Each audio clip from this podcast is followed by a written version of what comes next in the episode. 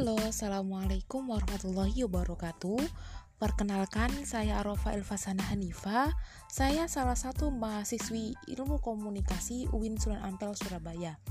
Di sini saya akan menjelaskan tentang desain grafis.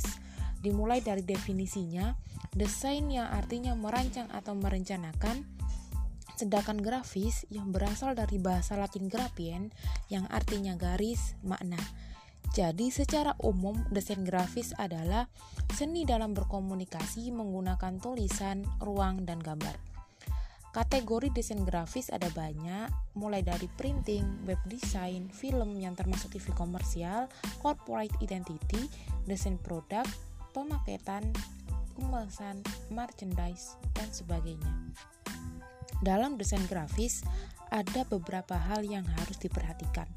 Yang pertama, komunikatif, yang kedua, kreatif, unik, dan tidak kelas.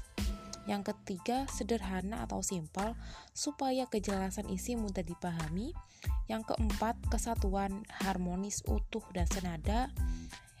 Yang kelima, penggambaran objek dalam bentuk image yang presentatif.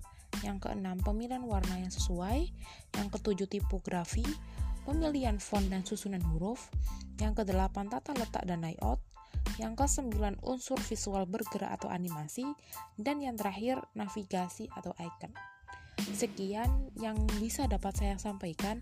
Semoga bermanfaat untuk kalian. Wassalamualaikum warahmatullahi wabarakatuh.